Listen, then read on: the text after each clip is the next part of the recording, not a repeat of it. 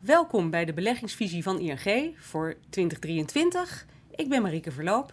Aan tafel heb ik twee bekende gezichten, Simon Wiersma en Bob Homan. Welkom. Dankjewel.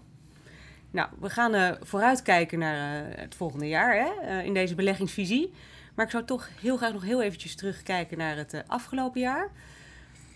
Bob, wat viel er nou voor jou echt op afgelopen jaar? Nou, ik kan me voorstellen dat je het wilt terugkijken. Hè, want het was best wel een heftig jaar met grote koersveranderingen, vooral naar beneden toe. En dat geldt denk ik met name voor obligatiebeleggers. Die toch uh, gewend zijn wat minder risico te lopen. Maar dit jaar bleek dat risico toch heel groot te zijn. En met grote koersverliezen als gevolg. Sterker nog, de grootste koersverliezen ooit uit de geschiedenis voor obligaties. Hè. Als je op wereldniveau kijkt, niet voor een individueel land, hè. Argentinië is wel een paar keer failliet gegaan, maar op wereldschaal hebben we nog nooit zo'n sterke rentestijging gezien vanaf zo'n laag niveau. En dan doet het het meeste pijn, want die rente is omhoog gegaan. Bijvoorbeeld in Europa van een procent of nul voor Europese leningen naar 3 procent. En dat is best een hele grote beweging. En dat komt natuurlijk door inflatie. Nou ja, die was er al, maar die is natuurlijk extra gevoed door de Oekraïne-oorlog. En ik denk dat je, wat mij verder heel erg opvalt, is dat valuta zo'n belangrijke rol spelen. Hè? Met name voor Europese beleggers. Als je alleen in Europa belegd was, en is Europa nog best wel, ondanks die oorlog, een regio die het nog redelijk goed gedaan heeft qua beurzen. Maar als, dan mis je wel die veel sterkere dollar die je op Amerikaanse beleggingen hebt. dus valuta hebben ook een grote rol uh, gespeeld. En wereldwijde belegger voor aandelen staat op dit moment maar een procent of zeven in de min. Nou, dat is ja, is niet leuk, maar het hoort er wel een beetje bij als aandelenbelegger. En dan zeker als je naar buiten kijkt op dit moment, is dat denk ik niet heel dramatisch. En, uh, Simon, wil jij eens uitleggen, uh, want we hebben het vaker over obligatiebeleggers hè, en waarom die dan op een andere manier geraakt worden dan aandelenbeleggers. Waar komt dat eigenlijk door? Ja, ja. Normaal gesproken vormen obligaties een hele defensieve invulling van een portefeuille. Wat in principe ook nog steeds zo is. Hè? Want aan het eind van de rit krijg je je geld terug wat je uh, hebt ingelegd. Tussentijds ben je alleen afhankelijk van de koersbewegingen als gevolg van rentebewegingen. En als dan die rentebeweging, zoals Bob net uitlegde, zo heftig is als dit jaar, ja, dan zie je wel dat je ook als obligatiebelegger toch een flinke draaiende oren kunt krijgen. En dat is wel het exceptionele van dit jaar. Hè, de grootste daling van wereldwijde obligatieindex in, in 70 jaar. Dat is toch wel heel bijzonder. Doet dat, denken jullie, ook iets voor het vertrouwen van de obligatiebeleggers gewoon in het instrument? Dat denk ik niet, want uh, als je kijkt naar, hè, wat ik net al zei, als je in obligaties belegt, en met name in staatsobligaties, zijn toch hè, van een goede debiteur. Dus op het moment dat je geld uitleent, krijg je dat ook wel weer terug. Um, dus qua risico denk ik dat het niet heel veel uitmaakt. Het is alleen die rentebeweging en die rentegevoeligheid die sommige langlopende obligaties extreem hebben. Um, dat maakt dat die beweging zo groot is geweest. Maar het verandert niets aan zeg maar, het defensieve karakter op een langere termijn. Nou ja, sterker nog denk ik dat defensieve karakter is eigenlijk weer terug. Hè? Want een jaar geleden was de rente nul. En dan weet je dus ook precies wat je gaat maken voor de komende tien jaar, namelijk nul. Nu is dat weer een procent of drie voor Europese staatsobligaties. Nou, dan weet je wat je gaat maken voor de komende tien jaar. Ja. Nou, en drie procent is een stuk aantrekkelijker dan 0 procent. En je hebt dan ook nog hè, um, die 3% ook nog als een soort vangnet van als de rente toch nog iets verder oploopt, dat je niet gelijk onder nul uitkomt zoals je vorig jaar deed toen de rente nog nul was. Ja, begrijp ik. Pop, we hebben natuurlijk ook nog de oorlog in de Oekraïne. Uh, wat zijn jullie verwachtingen daaromtrent? Nou ja, om over een oorlog verwachtingen te geven vind ik echt, echt heel moeilijk. Maar ik denk wel de gevolgen van die oorlog, hè, die zichtbaar zijn met name in die energieprijs in Europa. En eigenlijk een gevecht is om energie in de hele wereld. Hè, want we concurreren daarin ook met Amerika, met LNG, ook met Azië. Hè, het gaat nu allemaal om liquid uh, gas. Um, als we een koude winter bijvoorbeeld krijgen in januari, zowel in Azië, Europa als Amerika, ja, dan hebben we echt wel een probleem in. Ik denk ook op de beurzen zul je dat onmiddellijk terugzien. Dat de inflatie weer hard oploopt. Uh, tegelijkertijd dat de fabrieken misschien afgeschaald moeten gaan worden. Dus dat beïnvloedt ook nog de economie en de diepte van de recessie. Ja, dus dan heb je een, uh, een heel negatief, uh, een hele negatieve cocktail. Terwijl als het andersom is, hè, zoals nu, zoals afgelopen herfst, als het weer heel relatief warm blijft, werkt het de andere kant op, werkt het positief voor de beurzen. Dus het heeft wel degelijk grote invloed. Ja, meer, meer de gevolgen van de oorlog eigenlijk dan de oorlog zelf ja, en voor beleggers. Wat, wat we als belegger nog nooit gedaan hebben, denk ik, is naar het weer kijken. Maar dat, dat heeft nu echt invloed op, uh, op koersen. En als je nou naar dit afgelopen jaar kijkt, hè, en uh, nou, je noemde al een aantal uh, opvallende zaken. Vinden jullie dan dat het gedrag van beleggers op zich de, de, de belangrijke events logisch heeft gevolgd? Of zie je ook echt dingen die je af vindt wijken? Nou, qua koersbeweging denk ik wel dat je een normaal patroon hebt gezien. En daarmee doel ik op de, de invasie van, uh, van Rusland in Oekraïne eind februari. Toen zag je wel dat de markten, beleggers dus nerveus werden. Wat me wel opviel, en dat was eigenlijk vergelijkbaar met uh, twee jaar daarvoor, hè, het uitbraak uh, van, de, van de coronapandemie. Dat je een eerste hele negatieve kortstondige reactie zag. En daarna eigenlijk dat de beurs ook wel weer snel opveerde. Dat is dit jaar natuurlijk niet helemaal het geval geweest, hè, met name door die rentebeweging. Maar als je kijkt naar hè, de uitstappers en instappers dit jaar, dan denk ik, kijk ook Bob even aan. Maar als je kijkt naar uh, hoeveel beleggers wij hebben die uit zijn gestapt, dan valt het heel erg mee. En, en zie je ook wel dat juist op momenten dat die beurs het wat minder doet, uh, dat je toch ook wel weer wat, uh, wat nieuwe beleggers erbij krijgt. Ja, eigenlijk is dat een effect wat ik al jaren zie. Eigenlijk misschien wel sinds 2000. En dat tot die tijd beleggers echt, als het even iets tegen zat, uitstapte en vaak op het verkeerde moment. En dat zie je eigenlijk de afgelopen twintig jaar bij iedere crisis. En we hebben er natuurlijk best wel wat, uh, wat gehad. Hè, uh, zie je dat minder worden, omdat mensen toch ook zoiets zien, dat zelfs aan de financiële crisis van 2008, 2009, dat het, de boel zich best wel weer snel herstelt daarna. Hoe, hoe komt dat eigenlijk? Is de informatievoorziening zoveel beter? Of waarom zijn die beleggers eerder denk, terug? Ja, ik denk dat je tegenwoordig hebben veel meer beleggers een plan van hier beleg ik om. Terwijl het toen de tijd, toen eigenlijk de jaren negentig particulieren echt groot met beleggen in aanraking kwamen, was het meer, nou misschien zoals nu met de crypto's is, ja. eventjes snel proberen geld te verdienen. En als de buurman een succesverhaal heeft, wil ik ook meedoen. En dat is er denk ik een beetje af. Het is allemaal wat rationeler geworden. Nou, dat is eigenlijk wel voor de beleggenmarkt goed nieuws. Ja, ik vind het van wel. Ja, ja. Nou, even kort gehad over het afgelopen jaar. Het komende jaar, welke grote trends en events uh, zien jullie uh, voor wat je kunt voorspellen? Ja, precies, want dat is natuurlijk het moeilijke. Hè? Dus um, wat we doen altijd is een basisscenario um, maken in onze visie, waarbij we kijken naar de economische groeiverwachtingen. Nou, die zijn voor het volgende jaar iets minder dan voor dit jaar. Hè? We zitten toch in Europa met, uh, met een energiecrisis. Uh, en ook hogere rentes, wat uiteindelijk zal leiden tot een nog wat lagere groei. Uh, waarbij de kans op een recessie in Europa best wel groot is. Voor Amerika geldt het ook, maar wel in mindere mate. Daar zie je dat die energiecrisis eigenlijk een veel kleinere impact heeft. Maar die renteverhoging door die centrale bank des te meer. Uh, dus dat bij elkaar genomen heb je Europa en, en Amerika als een, een, blokken die groeivertraging laten zien. Uh, positief nieuws kunnen we dan misschien uit China verwachten, waarbij je de COVID-maatregelen uiteindelijk wat versoepeld ziet gaan worden en ook stimuleringsmaatregelen worden aangekondigd. Uh, dat neemt wel dat ja, de wereldwijde economische groei per saldo wel ietsjes lager uitkomt dan, uh, dan dit jaar. Dat betekent voor de winstontwikkeling van bedrijven dat we die ook ja, eigenlijk heel laag inschatten. Zeker nog eigenlijk op nul inzetten voor het, voor het komende jaar. En dat is best bijzonder eigenlijk, hè? want die inflatie is natuurlijk nu heel hoog. En volgend jaar minder dan nu, maar nog steeds wel dik boven die, die 2%. En normaal kunnen in die, die winsten, komt die inflatie ook wel terug als positief element. Hè, dat de meeste bedrijven dat wel door kunnen berekenen. Dus eigenlijk betekent, als wij 0% winstgroei verwachten, dat uh, de, de onderliggende reële winst echt terugloopt, maar dat er nog een beetje gecompenseerd wordt door de, door de inflatie. En die winst neemt om twee redenen terug, omdat die wereldeconomie minder groeit. Die groeit, nou wat zal het zijn, maximaal 2%. En het IMF geeft ook aan, als de wereldeconomie onder de 3% groeit, zit je eigenlijk in een recessie. Ja. Um, nee, dat zit je dus volgend jaar voor Europa en met grote kans Amerika een deel van het jaar toch, uh, toch ook wel. Um, dus dan ga je, gaat je omzet wat naar beneden, gaan de marges meestal wat naar beneden. En dan um, krijg je dus zoals gezegd wat terug met, uh, met je inflatie. En dan kunnen we het in onze ogen droog houden met een nul winstgroei.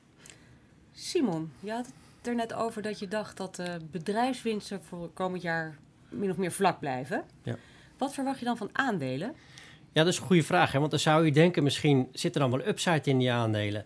Ja, dat is een logische vraag. Maar toch denken we dat we een positief rendement kunnen verwachten. En dat uh, heeft te maken met het feit dat dit jaar de aandelenwaarderingen door die hogere rente heel fors onder druk is gekomen. Tot het laagste niveau in 8 à 10 jaar tijd. Uh, en wat we denken is dat op het moment dat die rentes langzaamaan weer wat gaan dalen, dat ook de waarderingen van aandelen weer wat omhoog kunnen. Dus eigenlijk zonder een winstgroei kunnen we toch verwachten dat we uiteindelijk iets van 7% uh, aan een hogere koers kunnen verwachten. Ook gebaseerd, of mede gebaseerd op de winstgroeiverwachting voor 2024. Hè, want beleggers kijken ook vooruit aan het eind van volgend jaar. En voor 2024 verwachten we 5% winstgroei. Dus dan komt hij alweer een beetje terug. Nou, als we dan die 7% koerswinst nemen, plus nog een beetje dividendrendement van 2, 2,5%, komen we ruim 9% aan verwacht return voor aandelen volgend jaar. Dat is eigenlijk een hele mooie reden voor beleggers om nog eens achter hun oren te krabben. Ieder geval om belegd te blijven. Hè, en daar waar mogelijk, ja, als mensen nog ruimte hebben van joh, zal ik nou op deze wat lagere niveaus nog een keer wat bijstorten? Ja, dan is die ruimte er wat ons betreft ook. Als er nou, nou uit welke hoek verwachten jullie nou eigenlijk, uh, waar moeten we op letten als beleggers? Als we, als we op zoek naar kansen en bedreigingen. Wat, wat zijn dan de, de, de grote uitslaande twee wat jullie betreft? Ja, ik denk dat, nou ja, twee, als, als we eerst kijken naar het hele brede plaatje, dan gaan we ervan uit dat uiteindelijk de centrale banken eventjes een pas op de plaats maken met het verhogen van de rente. Oftewel, halen een beetje de voet van, van de rem af. Die waren hè, nog is, aangekondigd, toch? Die komen er nog aan, hè, maar wat, we, wat we net al zeiden is van als je dan um, zeg maar over het eerste kwartaal van volgend jaar heen bent, of de eerste helft van, van volgend jaar, inclusief de ECB-renteverhoging die eraan komt, ja, dan ziet dat beeld er in de toekomst alweer wat, uh, wat beter uit.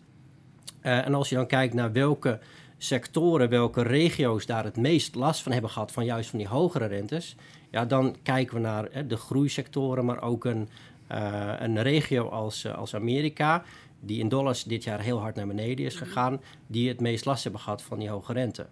Als dat beeld een beetje begint te kantelen, en dat moet dan samengaan met een inflatie die ook langzaamaan wat af gaat nemen ja. als we in de tijd verder vooruitlopen, ja, dan zijn dat sectoren waar we dit jaar hele negatieve performance hebben gezien, maar die dan juist weer ietsjes beter kunnen gaan, uh, gaan doen. Dat doe je op de IT-sector? IT, communicatiediensten, uh, aandelen als uh, Meta bijvoorbeeld, mm -hmm. um, Apple die ook wel wat achtergebleven is en dat soort aandelen. Ja, en op dit moment zijn we nog heel erg andersom gepositioneerd. Hè? Wat meer in de waardeaandelen als energieaandelen, financiële waarde, gezondheidszorg. Um, juist in die sectoren zitten er enorme verschillen. Hè? Nog veel grotere verschillen tussen de sectoren dan tussen de regio's. En ook dan tussen, zelfs dan tussen obligaties en aandelen. Mm -hmm. Beste sector dit jaar, hè? de energiesector, meer dan 50% ja. gewonnen. Um, slechtste sector, communicatiediensten, min 30%. IT denk ik ook iets die, die kant op. Uh, dus daar zitten grote verschillen. Nu nog zijn we dus nog best wel in die waardeachtige aandelen gepositioneerd. Ergens volgend jaar zullen we dat moeten draaien. We hebben er al kleine stapjes mee, mee gemaakt. Iets meer naar groei al toe. Maar dat moeten we volgend jaar nog sterker aanzetten. En dat is, ja, het is altijd best wel lastig hè, om dat exact uh, goed te, timen. Dat gaat ook ons waarschijnlijk niet lukken. Zullen dus waarschijnlijk, hè, misschien iets, uh, iets te vroeg zijn op dat, uh, dat moment. Maar het is wel een beweging die je moet maken, denk ik, in je portefeuille. om de markt wat voor te blijven. Om dat nog een beetje toe te lichten, Bob. Uh, hoe um, onderscheidt zich een waarde van een groeiaandeel? Nou ja, eigenlijk heel, heel makkelijk. Een waardeaandeel heeft veel winst nu, op dit moment. Een groeiaandeel heeft heel veel winst in de toekomst. En die zijn heel hard geraakt dit jaar door die hogere rente. Want dan moet je die winsten uit de toekomst verrekenen met een hogere rente. Ja, dan wordt je huidige waarde gewoon lager. Ja. Je, gaf net al aan uh, dat jullie in de, de, strategieën van ING rekening houden hè? Met, uh, met een beetje verschuiving misschien van een waarde naar meer naar groeiaandelen. Hè? Um, hebben jullie voor wat je nu kunt voorzien, hè, naar het komend jaar kijkend, al, al meer dingen um, gepland? Dat je zegt van oké, dit zijn de zaken waar we echt op gaan letten en, en uh, zo en zo proberen we daarop te anticiperen? Ja.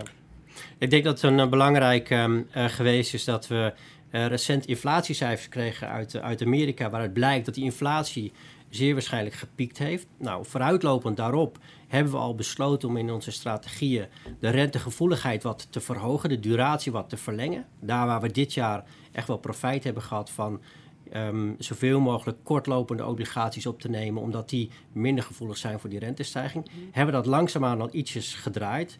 En je kunt je voorstellen dat we dat in de loop van volgend jaar, uh, als die rentebeweging inderdaad zo is als dat we, hè, waar we nu vanuit gaan, iets aftoppen en ietsjes naar beneden gaan, voor zowel Europa als Amerika, uh, dat je dat nog meer uh, kunt aanzetten. Samen met ja, iets meer risico misschien ook in je obligatieportefeuille. Want op dit moment bieden bijvoorbeeld hoogrentende bedrijfsobligaties wereldwijd en obligaties uit de opkomende markten meer dan 10% effectief rendement. Dus je hebt een behoorlijke buffer um, voor het geval dat rentes nog wat verder op mogen lopen. Die 10% die je over een jaar krijgt, die, eh, ja, die, die biedt een uh, behoorlijke bescherming. En misschien goed om te zeggen dat we voor zowel aandelen als obligaties volgend jaar wel weer een positief jaar verwachten.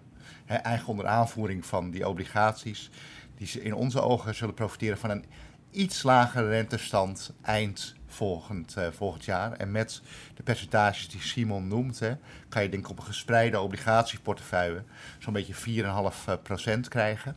En wat daar denk ik ook nog wel heel aardig is, dat het slechte scenario en het goede, een, een beter dan verwacht scenario, niet eens zo heel ver uit elkaar liggen. Bij een, een, een slecht scenario waar bijvoorbeeld de recessie wat, uh, wat dieper wordt, zullen je rentes gaan, uh, gaan dalen. Dus zou je daar effect van hebben. Bij een heel goed scenario zal de rente weliswaar wat oplopen, mm -hmm. maar zullen bijvoorbeeld die spreads, zoals dat heet, die kredietopslag die je krijgt op risicovollere leningen, die zullen wat naar beneden gaan. Hè? Dit is nu die 10% of die spread is dan een procent of 7, die komt dan, dan in. Dus ehm, eigenlijk zoals je dit jaar gebeten wordt in obligaties door en een oplopende rente en oplopende kredietopslagen, zal het volgend jaar uh, bijna in elk scenario niet meer twee kanten, uh, twee variabelen zijn die de slechte kant op gaan. Mhm. En dat verwacht je wel dan na het eerste, als ik goed begrepen heb, na het eerste kwartaal? Mm. Of al eerder? Nou, dat is een beetje afhankelijk van uh, alle macrocijfers die we in die tijd tot, tot dan krijgen. Hè. Dus waar we natuurlijk heel scherp op letten, is in hoeverre met name die inflatie zich ontwikkelt. Want dat is echt de drijfveer geweest dit jaar voor het beleid van die centrale banken. die zijn verrast doordat het zo hard en sterk opliep. Um, en nu zie je wel dat er langzaamaan begint te kenteren. En waar heel veel mensen van uitgaan, economen, analisten, is dat het maar heel langzaam gaat zakken. Maar we moeten niet vergeten dat we in een hele bijzondere situatie zitten uh, na COVID. Dat je het ook niet kunt uitsluiten dat die inflatie wat sterker terugvalt dan verwacht. We zien nu bijvoorbeeld al in de prijzen van tweedehands auto's in Amerika dat daar een negatieve uh, prijsontwikkeling is maand op maand. En dat, is, nou ja, dat gaat best wel snel. Uh, tegelijkertijd gaan we niet vanuit dat die inflatie nu in één keer helemaal keldert, hè, want dat zou ook weer heel erg raar zijn. Um, maar is het wel een, een ontwikkeling die ja, positief kan verrassen? Nogmaals, met heel veel onzekerheid daaromheen. Um, maar um, ja, zoals gezegd, we kijken echt goed naar ja, de ontwikkeling van die macrocijfers om op een zo goed mogelijk moment die veranderingen door te voeren in de strategieën. Ja. En nog eventjes naar, want de sectoren hebben we even kort over gehad. Uh, ik heb jullie, in regio's heb ik jullie China horen uh, noemen om op te letten, omdat die COVID-maatregelen worden afgebouwd. Ja, ik weet niet met welk tempo dat, uh, dat doorzet, maar er zijn er nog ook andere regio's je zegt van, oh ja, als belegger kun je daar naar kijken? Nou, ik denk sowieso dat het altijd goed is om niet alleen naar Nederland en Europa te kijken als belegger. Dat hebben we dit jaar denk ik ook heel sterk teruggezien. Dat als je gewoon Europees belegd was, ondanks dat de Europese beurs het helemaal relatief niet zo slecht doet, je toch dan niet het baat had gehad van die hogere dollar met je Amerikaanse uh, beleggingen. Volgend jaar zou het wel eens iets andersom kunnen zijn. Hè. Amerikaanse aandelen uh, zijn wat rentegevoeliger over het algemeen. Hè, want dat zijn van die groeibedrijven. Die zouden volgend jaar in onze ogen wel een herstel kunnen, kunnen maken. Groeiaandelen, het klinkt een beetje tegenstrijdig, doen het vaak ook wat beter gedurende een recessie. Hè. Juist omdat dan de winsten in de toekomst wat bestendiger lijken en je wat minder afhankelijk bent van wat er nu uh, gebeurt. Um, maar de dollar heeft ons natuurlijk al jarenlang eigenlijk geholpen. Hè. Die is al Mhm. best wel eh, tijden aan het sterker worden. Dat kan wel weer eens draaien. We verwachten overigens niet dat het heel snel eh, zal gaan. Niet zo dat je moet zeggen, we moeten daarom uit Amerika weg.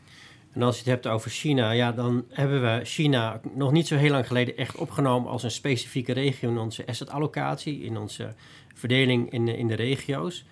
Eh, we hebben het daar vaak over gehad, hè, moeten we het niet gaan overwegen, want China is goed. Nou, we zijn blij dat we dat niet hebben gedaan. Hè. Dus ja, zo is een geluk bij een ongeluk, zou je bijna kunnen zeggen. De waarderingen van Chinese aandelen zijn eh, niet hoog, maar zoals we hebben geleerd, hè, is de politieke omgeving en het, eh, ja, het wispelturige beleid van China blijft wel een, een risicofactor. Eh, dus dat maakt ons wat, eh, wat voorzichtig. Eh, tegelijkertijd, eh, als we dan kijken naar onze overweging die we nu hebben van Amerikaanse aandelen ten opzichte van een onderweging van Europese aandelen, ja, dan zou je in, eh, zeg maar in de visie die we hebben voor het komende jaar, zou je daar ook wel ehm, ja, op termijn een, een draai of in ieder geval een verandering in kunnen verwachten. Weer juist weer de andere kant op. Heb ik eigenlijk een hele rare vraag. Je zegt, nou, we kijken eigenlijk naar de hele wereld. Hè? Zeker niet alleen maar Nederlands of, of Europees. Maar als we toch heel even op Europa inzoomen. We hebben natuurlijk dat, dat gekke Engeland hebben we nog. Kijk, hoe kijken jullie daarnaar? Nou ja, gek. Nee, we hebben natuurlijk hele rare ontwikkelingen gezien. Ja, eerst al met de brexit. Hè, hoe lang is het geleden? Zes jaar geleden. Ehm, en, eh, en dit jaar met, eh, met de politieke issues die ze daar hebben. Dus dat, dat, dat maakt het voor beleggers ook wel heel moeilijk om in te schatten van... is het nu aantrekkelijk of niet? Wat je wel ziet is dat al heel veel negatief nieuws verwerkt is... of lijkt verwerkt te zijn in, in de koers van, eh, van eh, Engelse aandelen... En je moet ook niet vergeten dat eh, het, het zwakkere pond wat we ook hebben gezien, die bedrijven wel voor buitenlandse investeerders uiteindelijk ja, richting een aantrekkelijk niveau hebben gedrukt. Dus ehm, ja, daar zien we ook wel, eh, wel weer kansen ontstaan. Denk ik. Je moet, als je kijkt naar Engeland heb je bijvoorbeeld de mijnbouwsector die specifiek is voor, eh, voor Engeland. En je hebt ook nog een aantal financiële instellingen daar die, eh, die soms best aantrekkelijk gewaardeerd zijn. Dus ja, we kijken daar zeker ook naar, maar we vatten het meer onder onze Europese beleggingen dan dat we heel specifiek er iets uitpakken. Alhoewel we dat in sommige strategieën ook wel hebben gedaan eerder dit jaar. Oké. Nou, dan wil ik jullie eigenlijk vragen om, als je nou alle twee in een aantal zinnen ehm, een aantal accenten zou mogen geven voor komend jaar. Wat zou je dan, begin ik bij jou Bob, wat zou je ons als beleggers dan mee willen geven? Ehm, vooral heel flexibel te blijven. Het, wordt vaker in de geschiedenis gezegd hè, dat de wereld er nog nooit zo diffuus uitzag als, eh, als van tevoren. Maar je, ziet dat momenteel ook wel weer veel eh, terugkomen. Dus je moet flexibel eh, blijven. Ik denk wel dat je eh, weer positieve rendementen kunt, kunt verwachten op de verschillende beleggingscategorieën. En, en ik denk dat je inderdaad van waarde richting groei moet, moet schakelen. En dat je daar een moment voor moet kiezen. Nou afhankelijk van de, de data die Simon net al, al noemde.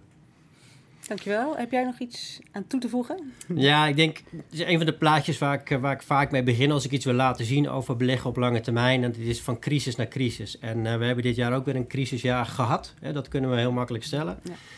Ehm, en dat als je kijkt op ehm, in het verleden, dat we daar altijd weer eh, beter zijn uitgekomen. En ik heb eigenlijk geen reden om te bedenken waarom het niet zo, nu weer anders zou zijn. Dus ehm, ook wat dat betreft, eh, voor beleggers die dit jaar net zijn begonnen met beleggen, eh, ja, hou je hoofd koel. Hè. Ga, ga niet te gek eh, doen als de emotie in één keer eh, overheerst, maar probeer je in ieder geval te laten leiden door je lange termijn plan. Dat is het allerbelangrijkste. Dan wil ik jullie beiden hartelijk danken voor deze beleggingsvisie op het komende jaar. Graag Ik verheug me er vast op. En dan wil ik u hartelijk danken voor het luisteren.